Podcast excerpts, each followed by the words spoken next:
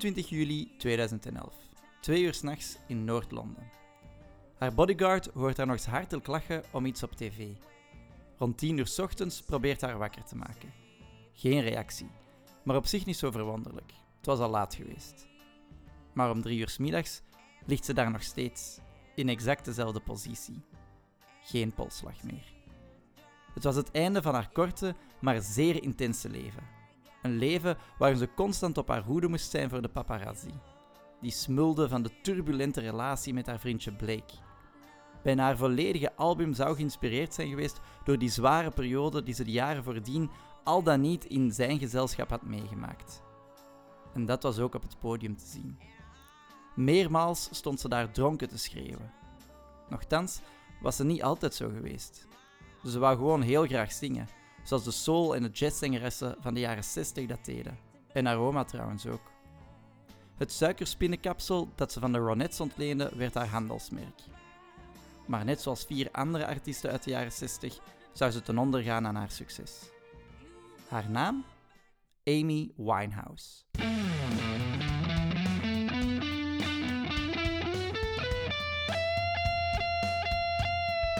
Liever snel naar de hel met Seppe en Sander.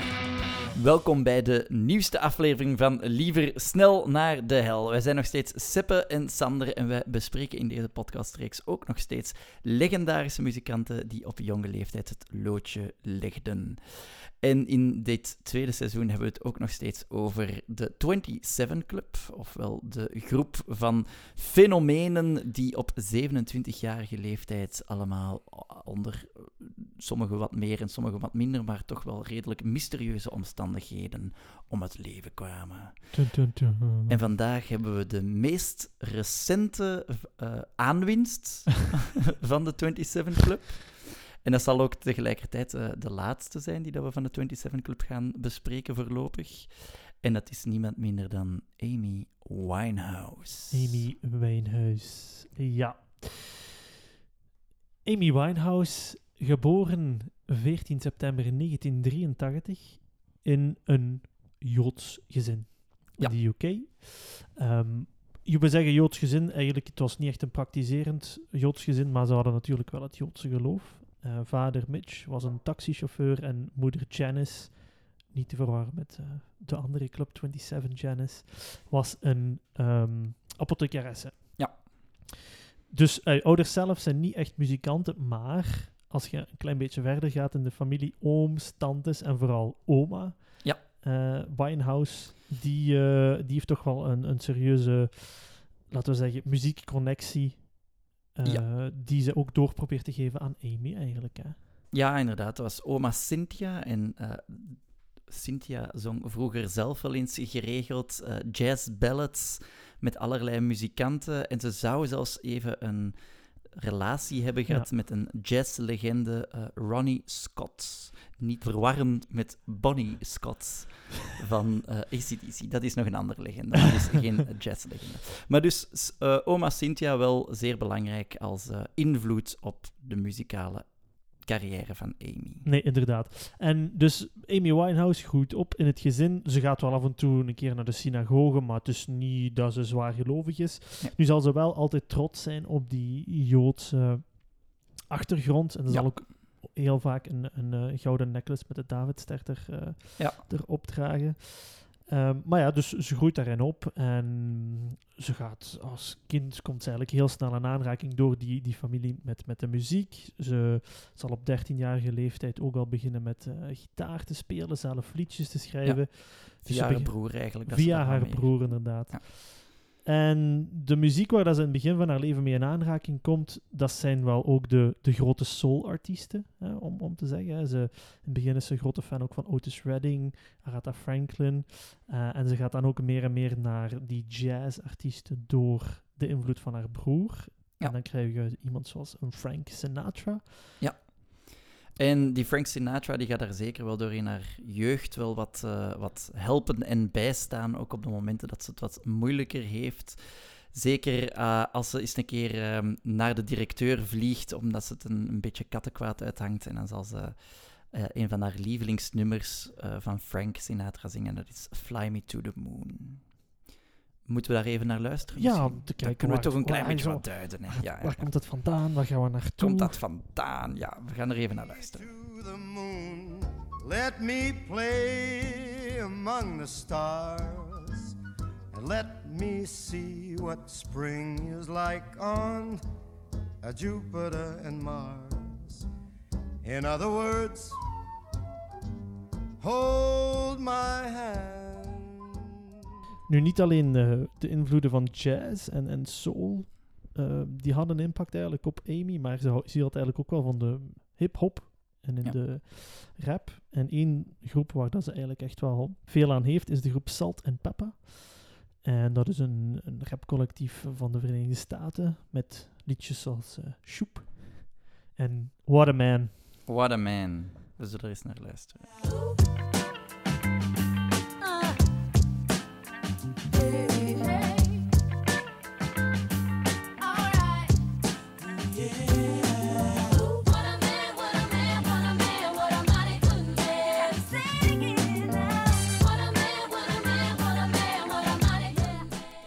Voilà, dus Salt and Peppa. Dat was toch een zeer grote eh, invloed voor onze Amy Winehouse. En daarmee dus stichten ze het eh, groepje Sweet and Sour. Dat was een, een, ja, een, een groepje dat ze in de lagere school had. Eh, Dat is niet echt iets heel eh, professioneel of zo, maar...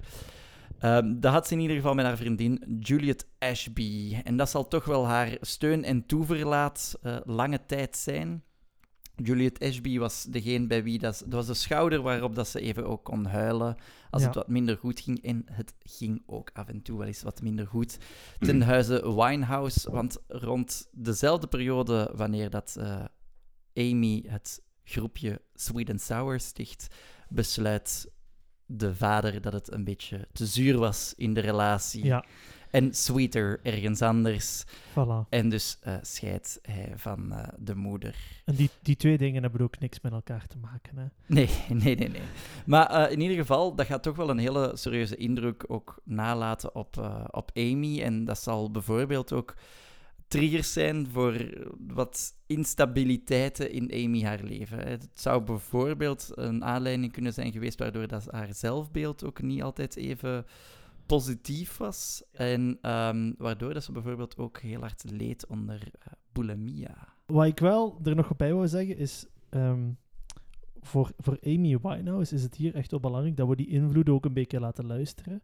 Ja. Omdat zij letterlijk een beetje een spons was voor hetgene wat ze later zal worden. Ja. Eh, die, die invloeden van niet puur soul, maar ook echt wel jazz erbij en ook echt wel een beetje hip-hop, een beetje Ja. ehm, rhythm and blues erin. Die gaan er eigenlijk voor de, voor de Amy Winehouse sound zorgen. En zij zal eigenlijk, zeker met haar album Back in Black, een beetje gezien worden als de, de nieuwe soul die, die terugkomt in een, in een wereld waar dat elektronische muziek helemaal aan het opkomen Ja, ja, ja, is, et cetera. En zij wordt daar dan een beetje gezien als zo de klassieke dame die eigenlijk ja, misschien 40 jaar te laat geboren is of Ja, 50 ja. jaar te laat geboren. eh, een revisie gaat, eh, gaat brengen. Nu, dat, dat komt ook, we zeiden het al, ze wordt daar heel hard in door gesteund en getriggerd door haar, haar grootmoeder, eh, die dat, Cynthia Winehouse. En het is ook Cynthia die dat daar bijvoorbeeld ook heel hard gaat pushen om een opleiding te gaan volgen aan de Sylvia Young Theatre School. Dat was echt een vooraanstaande ja, kunstacademie ehm, in Londen. En daar zal ze ook een viertal jaar aan verblijven, als ik me niet vergis. Uh, maar op, dat is in de puberjaren van Amy. En Amy was ook echt wel een, een, een pubertje. En uh, hing het af en toe wel eens een keer uit.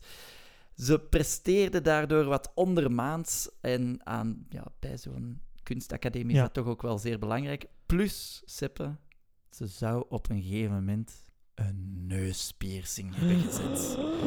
En dat zou volgens sommige bronnen de druppel zijn geweest. Oh my god. Nu, eh, er zijn er ook heel veel die dat betwisten. Anderen zeggen gewoon dat ze het beu was. En Ja. dat is iets anders. Was Voilà, er werd ook inderdaad wel gezegd dat ze wat apathisch stond ten opzichte van heel de opleiding. Om, omdat dat ook wel allee, eh, een, een heel klassieke opleiding was daar. Hè? Ja, het, was een, ja. het was een zeer klassieke school waar dat de, ja, de, de meest klassieke en, en eh, best geschoolde mensen dan eigenlijk uitkwamen. maar dat houdt haar eigenlijk niet tegen om verder te gaan in de muziek eigenlijk. Hè? Ja, Want ze zal eigenlijk kort daarna opgenomen ook worden in de Youth... Or youth, youth De National Youth Jazz Orchestra. Dus eh, dat was een moeilijke. de National Youth Jazz Orchestra. Ja, inderdaad. Eh, ik, eh, ehm, ik heb daar ook nog iets van gevonden. Misschien kunnen we daar ook even naar luisteren. Ja, want daar horen we eigenlijk een, een Amy van 16, 17 aan, het aan, de, aan de... Ja, Van 17, Cross eigenlijk, hè? 17, 18 al zelfs. Ehm, maar daar kunnen we inderdaad naar een klein fragmentje luisteren, waarop dat ze echt ook wel wordt gezien als iemand die dat jazz kan dragen en kan brengen zoals het gebracht moet worden.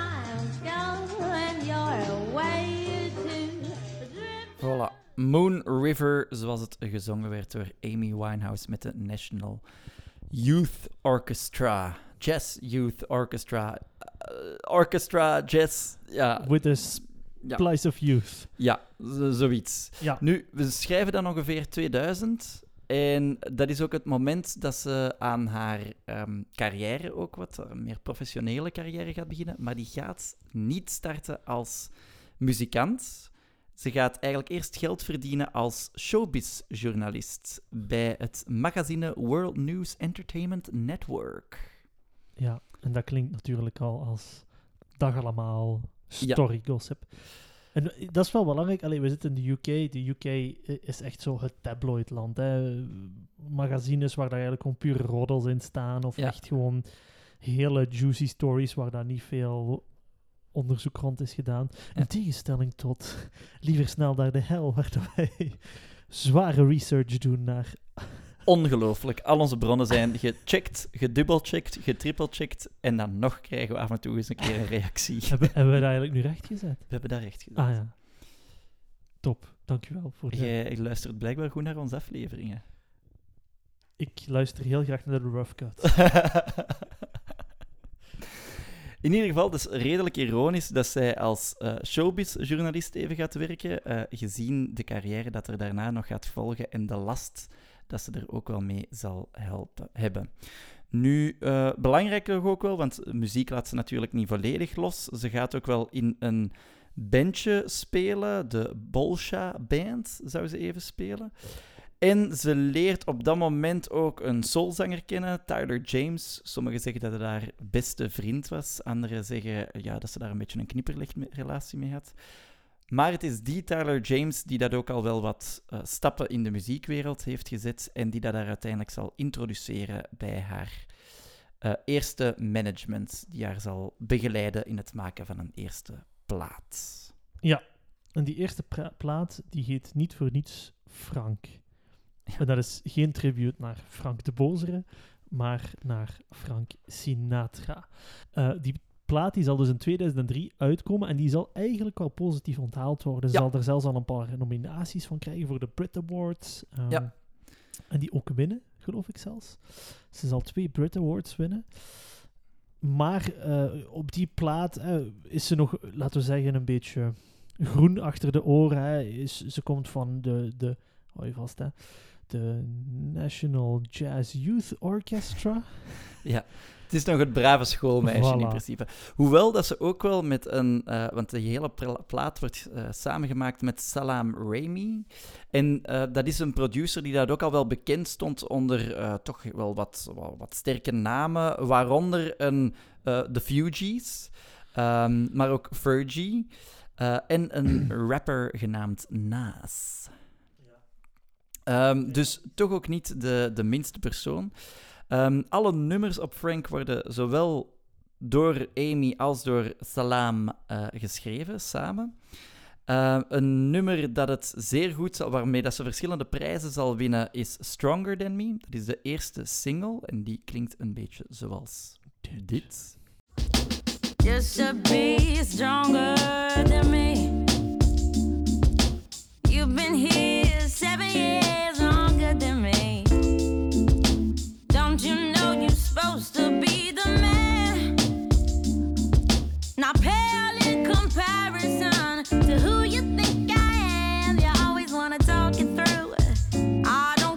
Ja, dus dat is eigenlijk Stronger Than Me.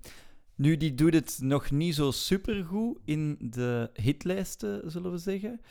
Dat gaat op het einde van haar carrière zal ook blijken dat dat eigenlijk haar, haar minste eh, hit was, of, of, of dat die het laagst genoteerd stond eh, in de hitlijsten. Een nummer dat het veel beter doet op Frank is het nummer Take the Box. En dat wil ik misschien toch ook wel even laten luisteren, want dat was het eerste nummer waarmee dat ze echt de harten van eh, Engeland weet te veroveren. Let's go. And now my head's hurting. You say I always get my own way. But you were in the shower when I got there. And I'd have wanted to stay. But I got nothing to say.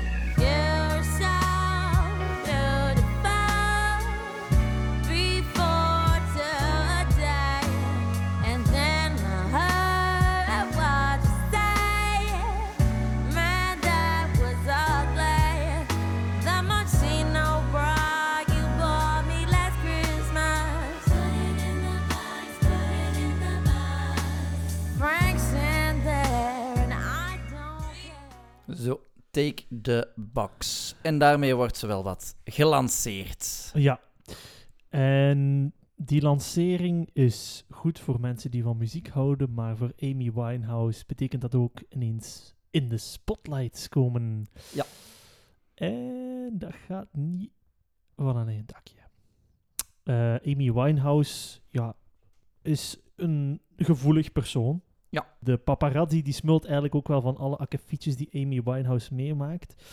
Ze zal eigenlijk eh, zeker vanaf 2005, als ze eigenlijk samen met haar ja, on- en off boyfriend en daarna husband Blake Fielder Civil. Wat, dat is een rare naam. Dat is een rare naam, hè? Ja. Ja, eh, want die introduceert haar eigenlijk tot de hard stuff. Ja. Dus eigenlijk eh, vanaf 2003 begint Amy ook uh, alcoholist te worden eigenlijk. En Ja. ze begint veel te drinken. Maar die relatie met Blake zal er ook voor zorgen dat ze met andere dingen in aanraking komt. En ze zal bijvoorbeeld crack beginnen roken. Iets wat op latere leeftijd zelfs een impact op haar zingen gaat hebben ook. Hè. Ja, ja, ja. Ja, inderdaad. En die hele relatie, dat is ja, inderdaad een, een relatie waar dat er die dat niet zonder slag of stoot gaat. En dat kunnen we toch wel zeer letterlijk nemen. Daar worden wel eens wat meppen uitgedeeld. Ehm, en ja, niet alleen onder elkaar. Amy zou door zou soms zelfs eens een keer naar fans ook uithalen. Ja. Ehm, en dat heeft er toch ook altijd wel wat mee te maken met het feit dat ze daar opeens in die spotlights is komen te staan en dat ze letterlijk niet met die ehm, druk om kan. En haar uiterlijk zal ook zeer fel veranderen. Hè. Ze zal Ja. er niet meer zo preuts, zo het zeggen, uitzien, hè, ondanks de neuspiercing. Ja. Ze zal ehm, tatoeages zetten. Ja. Ook naar, eh, daar, naar referenties naar haar familie staan daar Ja, ja, op. Daddy's Girl staat er bijvoorbeeld op. Ja, Ook een referentie naar haar oma ja, staat er ook op. Cynthia, de, ja, de, Ja. de vrouwentattoo die daar altijd heel zichtbaar op haar arm aanwezig was, waar dat ze toch wel wat door gekenmerkt wordt. En we, allee, we kennen Amy Winehouse ook van het kapsel dat helemaal naar boven staat. Ja. En dat is eigenlijk ook een beetje een ode aan de Ronettes. Ja. Een band waar Amy Winehouse zelf zeer grote fan van was en ook hun een beetje ziet als idolen. Omdat dat in de jaren 60 een beetje de, de go-to vrouwenband was. Ja. Eh, gaan we daar misschien ook een ja, dat lijkt me goed dat we daar toch ook weer even een klein beetje meer die, die Ronette-sfeer erbij halen.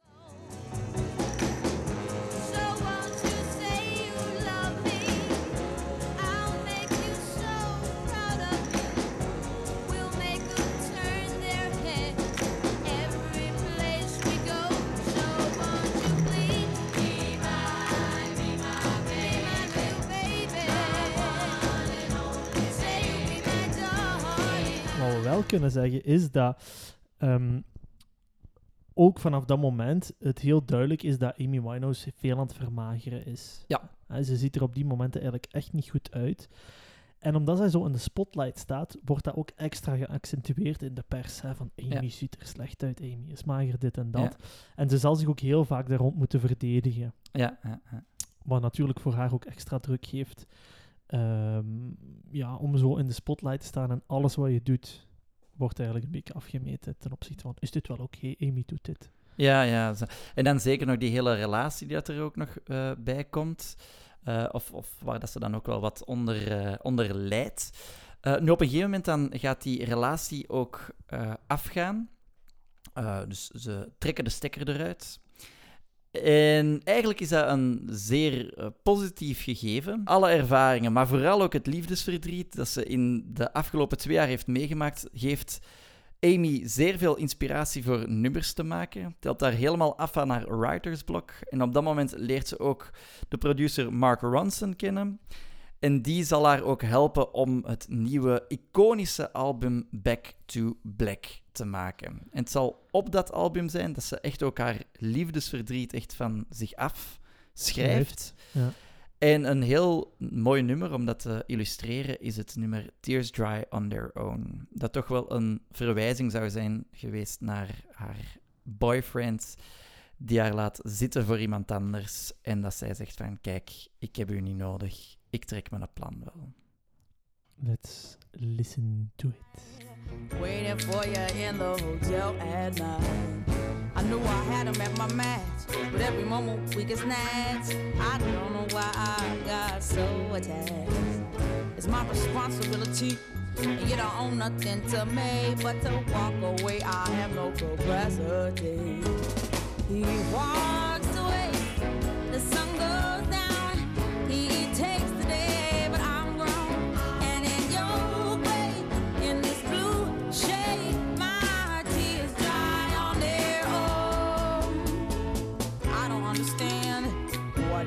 man when there's so many bigger things at hand. We could have never had it all. We had to hit a wall. So this is a never Voilà. Ja. Tears Dry on Their Own. Maar dat is natuurlijk niet het enigste nummer dat op de album staat. Nee. Een heel bekend nummer van A.B. Winehouse, dat misschien vooral aan deze kanten heel bekend is geworden en, en wereldwijd, is natuurlijk het nummer Rehab. Ja. En zoals de titel ga- eh, zegt, gaat het natuurlijk over haar drug- en alcoholprobleem vooral. Hè? Ja. Want het, eh, het alcoholprobleem was op dat moment wel groter dan het drugprobleem. Ja. Eh, en daar, pff, daar zeggen ze eigenlijk van ja, ze, ze willen dat ik naar rehab ga, maar ik zeg no way. Ja. Om ook een beetje de- haar middelvinger uit te steken naar iedereen die voor haar probeert tussen aanhalingstekens te zorgen. Ja. Nu, een referentie ook in dat nummer is My Daddy Thinks I'm Fine.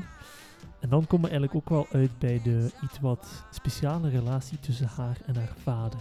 Want Mitch Winehouse gaat eigenlijk zeer close met zijn dochter samenwerken eigenlijk echt. Hè? Mhm. Hij gaat haar op een ja, op persoonlijk vlak proberen te managen als vader op een al dan niet officiële manier.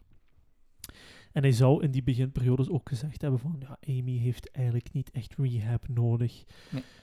Hij zou daar later op teruggekomen zijn. Nu, de, zijn relatie met Amy wordt inderdaad wel een beetje eh, in twijfel getrokken, omdat hij niet altijd de meest, laten we zeggen, Nobele intenties. ja, nobele intenties. Het, het, hij was meer, op een bepaald moment was hij misschien meer de manager als de vader van Ja, Amy. ja, ja. Eh, wat zeker belangrijk is om te weten, is dat Amy Winehouse gez- gezien werd als een van de rijkste artiesten onder 30 in de UK. Ja.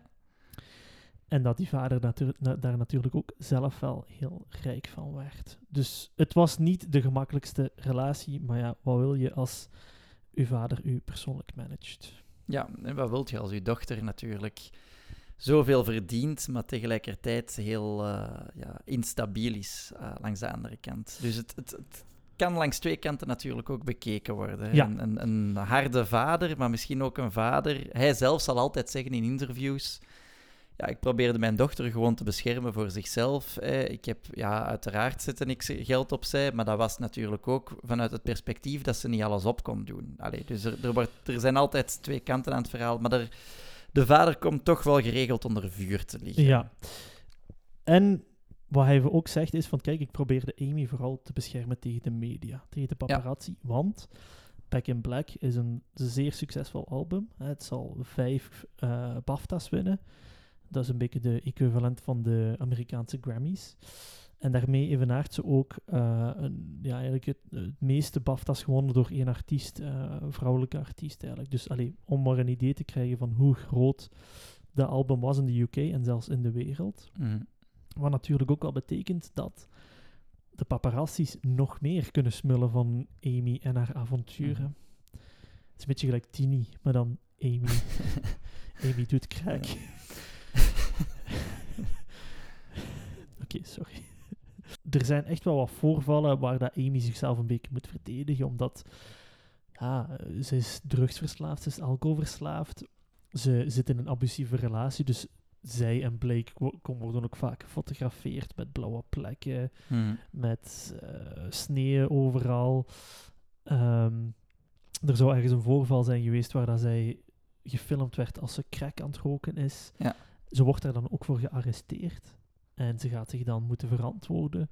Ja, en ook dat wordt weer allemaal in de media uitgespeeld. Het gaat zelfs zo ver dat haar moeder op een gegeven moment een open brief schrijft naar Amy Winehouse, die daar breed wordt gedeeld dan ook weer in de pers, om haar ja, te duiden en, en te zeggen van Amy, we weten, we weten dat het niet meer goed met u gaat, maar herpakt u, hè, gaat naar rehab, probeert het wat beter te doen.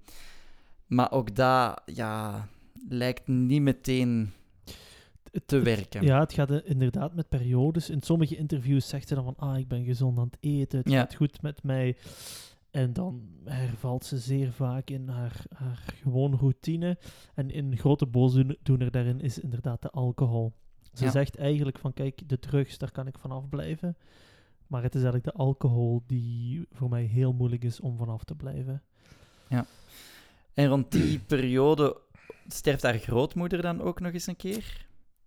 En dat gaat dan toch ook nog wel een hele zware indruk nalaten op haar. Ja, het gaat dan eigenlijk op een, een tijdje eigenlijk heel slecht met haar. En mensen zeggen ook van, kijk, dat is eigenlijk het kantelmoment voor haar geweest waarin dat ze eigenlijk in de spiraal tot haar dood is gegaan. Ja. Dat ze eigenlijk, ah, het was eigenlijk een, een tweetal jaar voor haar dood, een drietal jaar voor haar dood, dat haar, dat haar eh, oma is gestorven. Hè? Ja, zoiets, ja. ja, ja. En dat zij sindsdien eigenlijk niet meer ja, de vat had op om, om terug beter te worden, om er terug uit Nee. te gaan.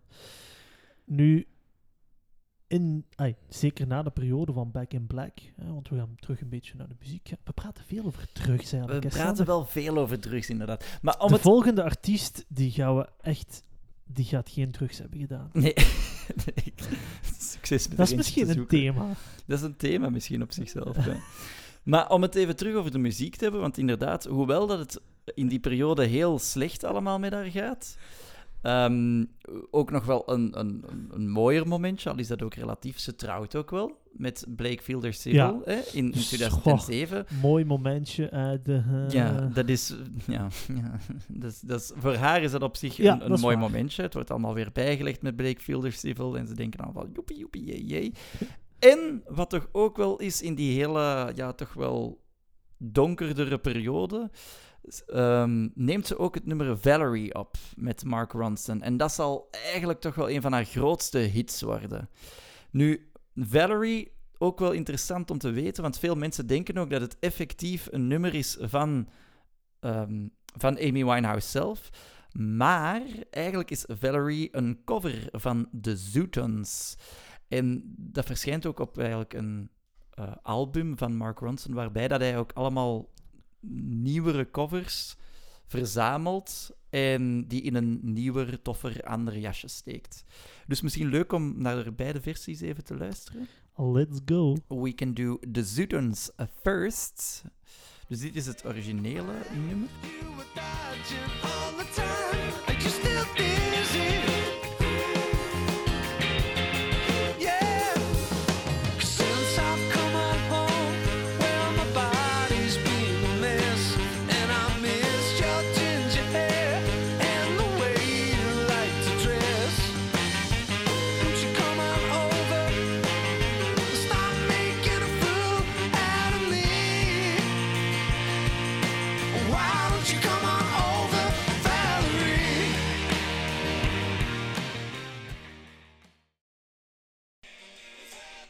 Voilà, dus dat is de versie van de Zoetens, de originele versie. En dan maken Mark Ronson en Amy Winehouse er dit van.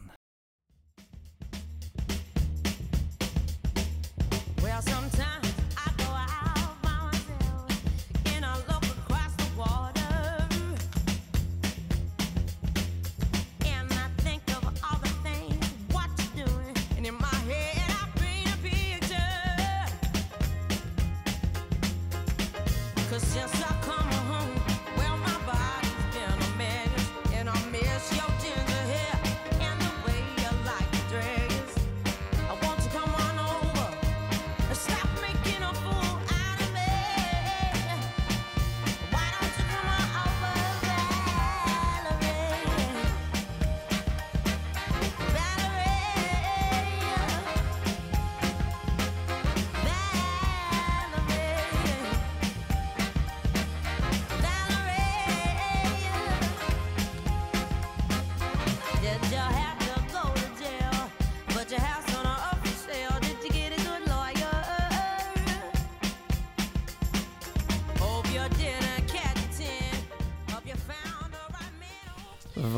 Voilà. Dat zal niet de enigste samenwerking zijn die Amy Winehouse zal doen.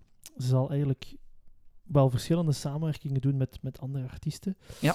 Eh, ze zal ook samen met de Rolling Stones op Glastonbury een versie spelen van het nummer Ain't Too Proud to Beg. En dat is een zeer leuke versie ook, want Mick Jagger heeft na het afloop gezegd eigenlijk van yo, ik was echt onder de indruk van die Amy, die kwam daar op het podium en wauw. Ja. Hij zal ook zeggen dat hij zich een beetje zorgen maakt om Amy, omdat ze er echt niet zo top uitzag. En eh, dat hij zich altijd wel een beetje heeft willen ontfermen over haar. Hm. Eh, zeker omdat hij, het, ja, hij vond het een beetje zonde van talent. want dat zo verkwist werd. Nu, een andere samenwerking die, die ik eigenlijk ehm, zou willen laten luisteren ook is... I heard it through the grapevine. Ja, waarom jij de... Ik.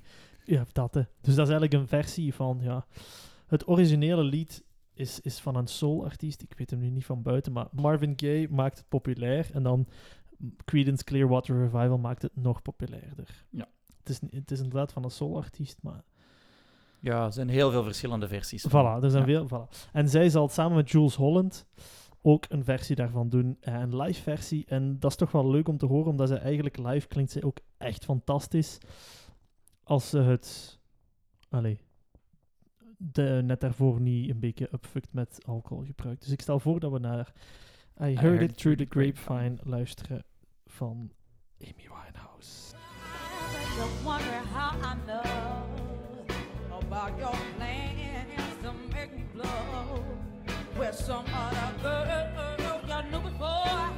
Between the two of us girls, you know I love you more. You told me by surprise. I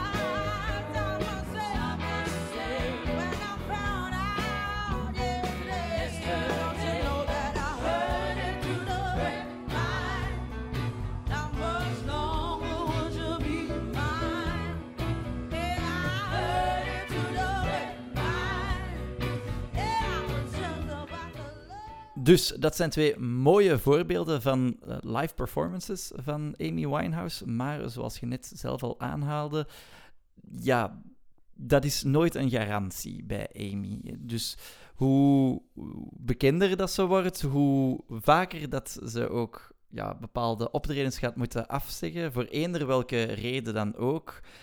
Ehm, ja, op een gegeven moment gaat ze ook de scheiding aan opnieuw met eh Blake Fielder Civil. En ook dat zal een reden zijn. Maar evengoed eh ja, stuurt ze letterlijk haar kat. Zegt ze van, ik voel me niet goed, dus ik ga nu gewoon niet optreden. En als ze er dan wel staat, is het ook niet altijd even toonvast. Omdat ze gewoon te zat zou zijn geweest. Nu, het feit dat ze zegt dat ze zich niet goed voelt, dat had ook wel echt een, een, een medische grond. Ja. Want blijkbaar zou Amy Winehouse een diagnose hebben gekregen waar dat ze eigenlijk stilletjes aan eh, meer en meer longcapaciteit zou verliezen. Ja. Ik vraag me nu niet hoe dat die ziekte heet. Ehm, maar dat zou het gevolg zijn geweest van eh, te veel crackgebruik, te veel roken, want ze rookte blijkbaar echt als een ketter. Ja. En natuurlijk die diagnose krijgen als zanger, waar dat uw hoofdinkomstmiddel uw stem is en dat je luidkeels moet zingen, is natuurlijk longcapaciteit verliezen niet het beste. Nee. En het ding is natuurlijk, als je jezelf niet goed verzorgt, dan kan het zeer snel achteruit gaan. Ja. De dokters waarschuwden haar dat ze na een bepaalde tijd een, een zuurstofmasker zou moeten gebruiken en als ze niet snel zou stoppen, dat ze eigenlijk zou sterven. En daarnaast oogt ze ook niet altijd even eh, helder. Eh, en ook daar wordt er soms gezegd dat, de, dat ze bepaalde hersenproblemen ook zou, zou hebben gehad. Er wordt gezegd dat, ze, eh, dat de drugs zodanig ook haar hersenen aan het eh, toetakelen waren, waardoor dat ze ook niet meer altijd even ja, helder van geest was. Nu, ja, dat wordt ook wel betwist, dus dat is ook niet allemaal heel duidelijk in welke mate dat dat al ver gevorderd was of niet. Maar ja, de drugs, alcohol, eh, de sigaretten hadden, hadden het toch... Amy had het niet zo goed met haar gezondheid. En ja, ze begint steeds meer af te takelen. Ze gaat steeds verder achteruit en iedereen ziet dat met leden ogen toe. En daardoor komen we ook stilletjes aan bij de laatste fase van Amy Winehouse. We zijn nu ondertussen in 2011 terechtgekomen. En je zou natuurlijk verwachten, we zijn 2011, we zijn ongeveer vijf jaar na Back to Black. Ja. Er zou wel een nieuw album zijn.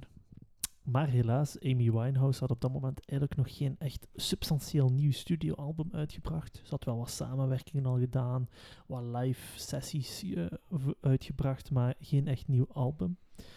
Het dichtste bij wat ze daarbij zou gekomen zijn, is eigenlijk een, na een, eigenlijk een heel vruchtvolle samenwerking met de rapper Nas, zouden ze plannen hebben gesmeed om ook samen een collaboratiealbum te maken Ja. tussen hun twee. Nu zijn er ook speculaties dat de relatie tussen Nas en Amy Winehouse meer dan alleen muzikaal was. Dat er ook wel een bepaalde vorm van romantiek was en dat Ja. Amy Winehouse toch ook wel echt gevoelens had voor Nas. Maar dat is nooit bevestigd Nee. geweest. Maar die twee hadden wel een zeer sterke relatie, ondanks het feit dat ze elkaar nooit echt ehm, heel intens of intiem hebben ontmoet. Het was eigenlijk maar een paar dagen en daarna was hun relatie meer of via Skype en via messaging en stuff. Ja, maar in Back to Black bijvoorbeeld verwijst ze ook al eens een keer naar die relatie. Of dat wordt gezegd toch, eh, dat ze daarnaar verwijst in het nummer Me and Mr. Jones. Dat zou over Naas, bijvoorbeeld- of Naas gaan.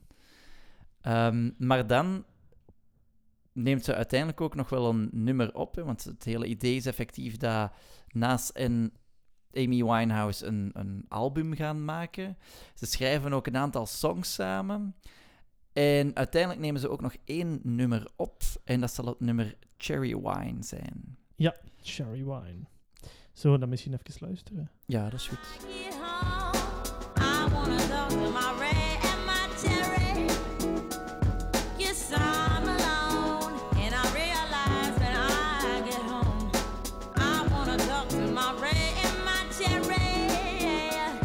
Someone who like the champagne I like. My A I like someone to talk me off the bridge any day Voilà, dus dat is Cherry Wine. Nu, het zal niet de enige samenwerking zijn die dat ze nog in de laatste maanden voor haar dood doet. Echt de allerlaatste opname die dat ze zou hebben gedaan, dat zou een ballad zijn geweest met Tony Bennett. Tony Bennett is een gevierd muzikant. Hè, is, is, is wel, eh, ja, staat al jaren bekend als wel een, een echt eh ballademan. En een... eh, Een echte ballademan. Dat Ja. een echte ballademan. Nee, eh, nee, maar Tony Bennett die staat eigenlijk echt wel, wel bekend om zijn songs. En ook eh, de jonge Amy Winehouse was er eigenlijk al heel harde fan van. Dus op het moment dat Tony Bennett zegt van... Kijk, ik ben hier een, een balladalbum aan het maken met allemaal verschillende vrouwelijke artiesten. Eh, want bijvoorbeeld Lady Gaga zal er ook voor gevraagd worden. En zij zegt van... Kijk, Amy. Doet je niet ook mee? Dan is Amy helemaal van over haar toeren. Helemaal eh, een beetje starstruck op het moment ook dat ze de studio binnenwandelt en Tony daar een, een hand schudt.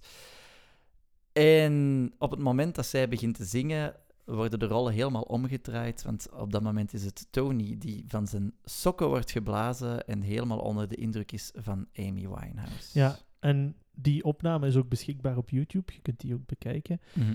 Is wel leuk om te zien hoe, hoe dat Amy echt vol bewondering naar die Tony kijkt. Ja. En hoe dat zij echt gewoon ook geweldig goed zingt. Het, het lijkt precies alsof ze daar al haar energie in steekt om, om, om dat goed te laten Ja. luisteren. Ze zal daar ook op terugkijken als een van de geweldigste samenwerkingen die ze heeft gedaan.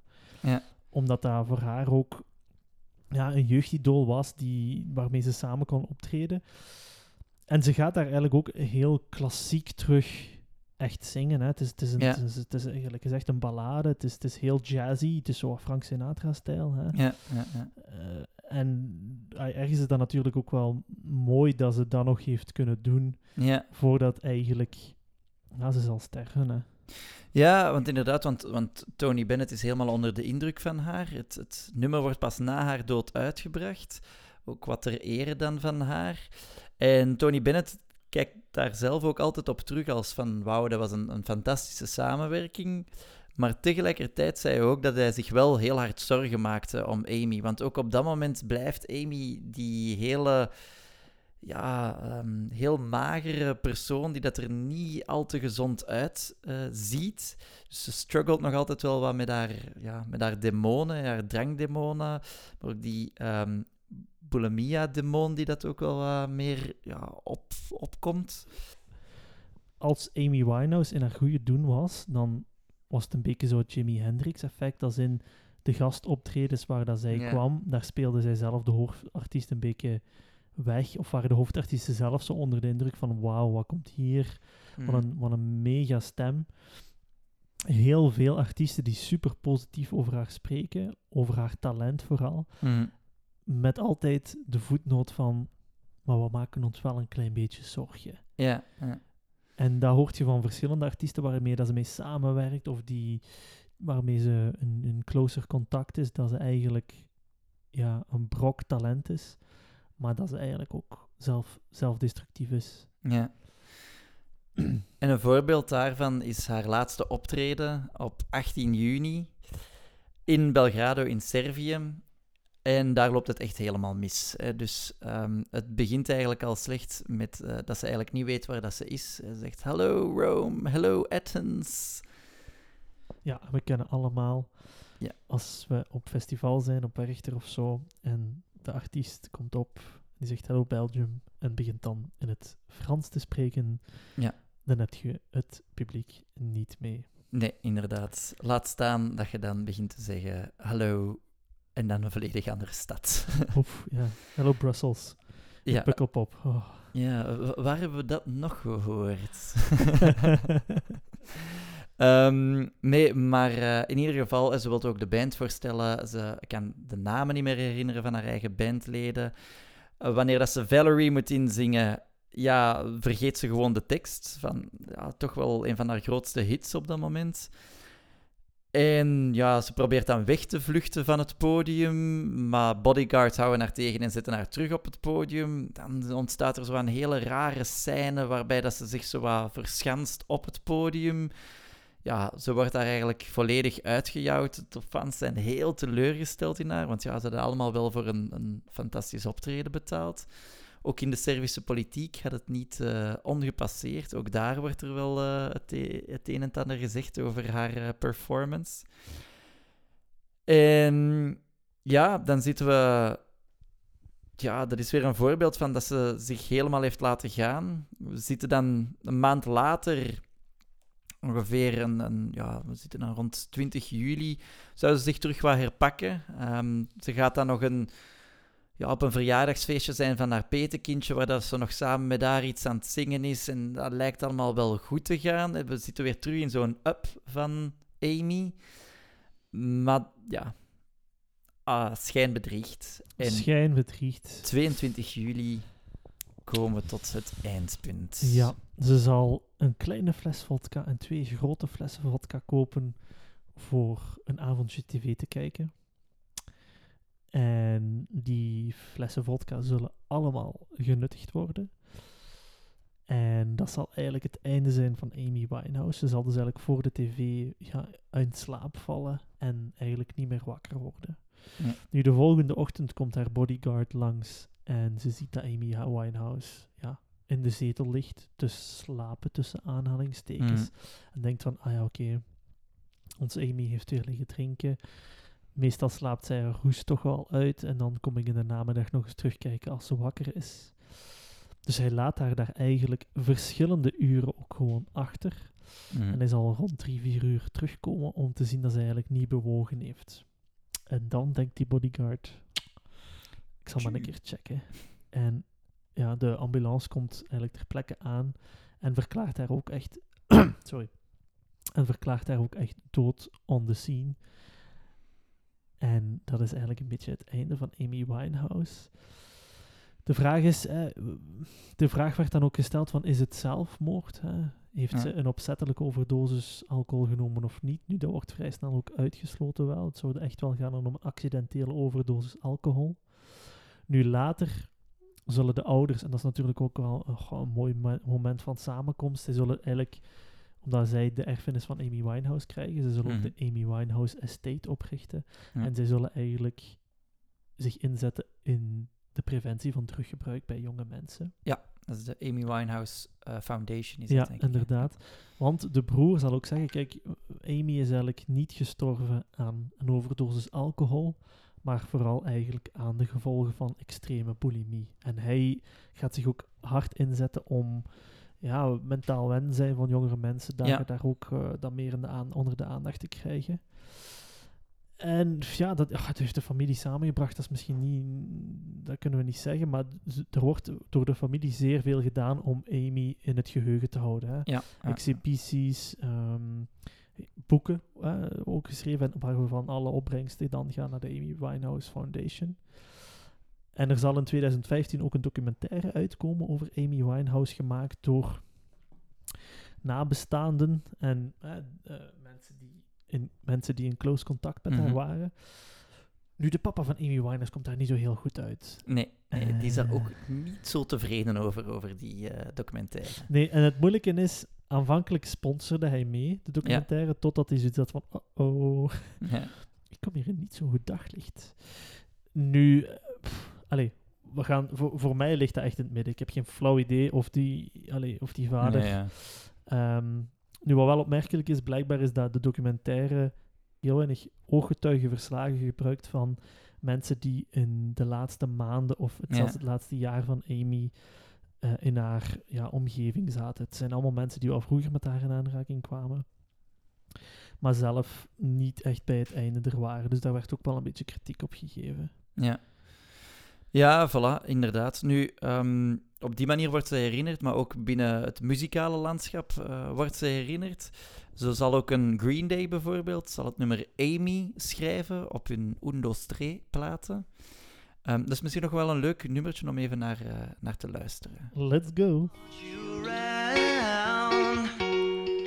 singing whoa please don't go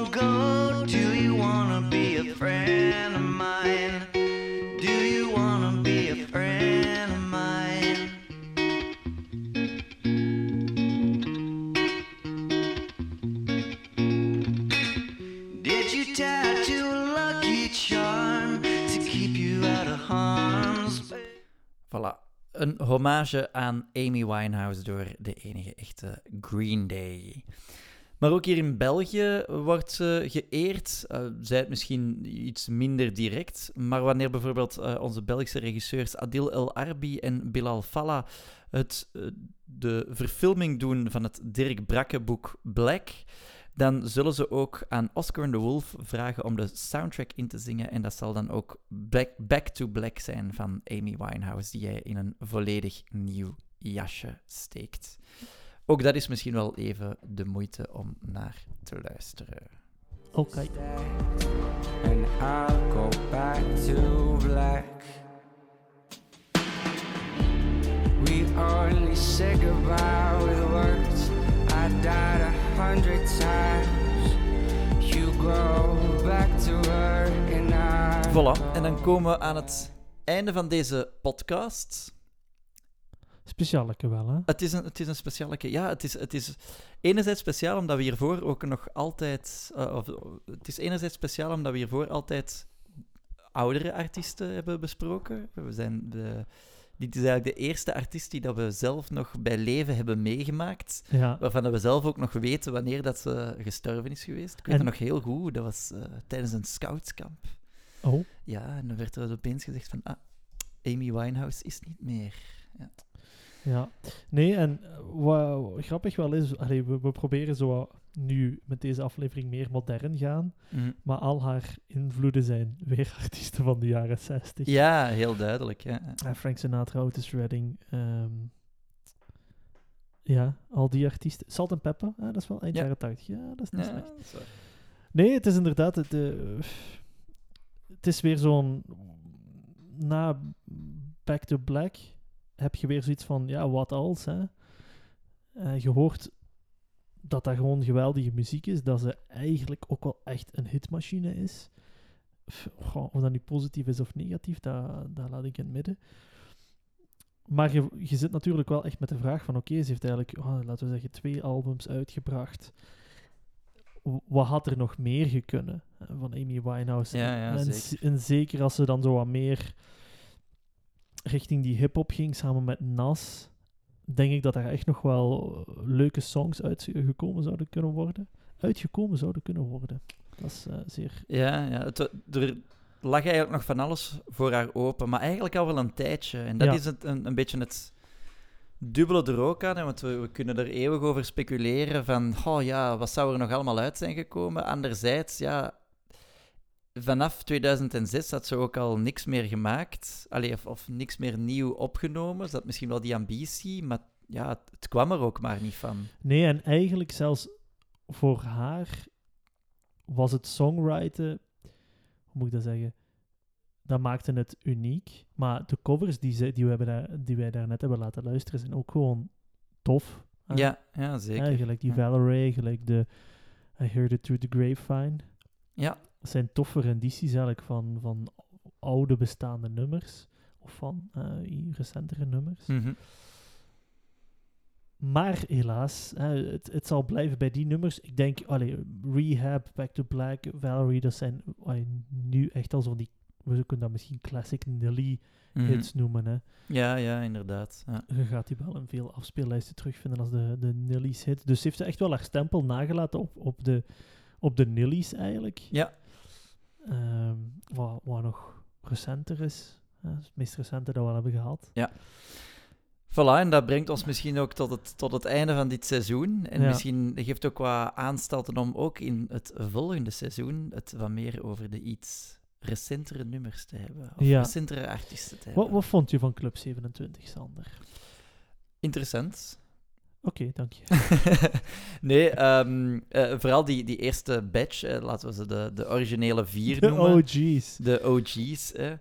Die, het is interessant om te zien hoe dat die allemaal met elkaar wel wat verbonden zijn. Ja. En, en door elkaars leven lopen en, en elkaar passeren en, en naar elkaar opkijken. En ja, dat ook wel wat meemaken van elkaar. Hè. Allee, Jim Morrison op het einde ehm, had iedereen al voor hem al zien passeren natuurlijk. hè. Ja. Had er al drie zien passeren. En, en daarin vind ik het wel dat Kurt Cobain eigenlijk de vreemde eend in de bijt is. Omdat Ja. Amy Winehouse zoveel meer die, eh, eh, laten we zeggen, bekend hetzelfde traject doorliep als iemand als een Janis Joplin. Of, of, en, Ja, vooral ook zo die, die alcoholverslaving en die... eh, ja. Wel, ja, nu, nou, Ja, nu oké, dat had Kurt er, had er toch ook wel wat last van. Ja, dat is waar. Maar bij Kurt is dan ook zo iets meer nog die depressie die dat er Ja, wel wat bij komt ja. kijken. Hè? En, en terwijl bij de rest is het allemaal een beetje wat niet kunnen omgaan met hun eigen succes.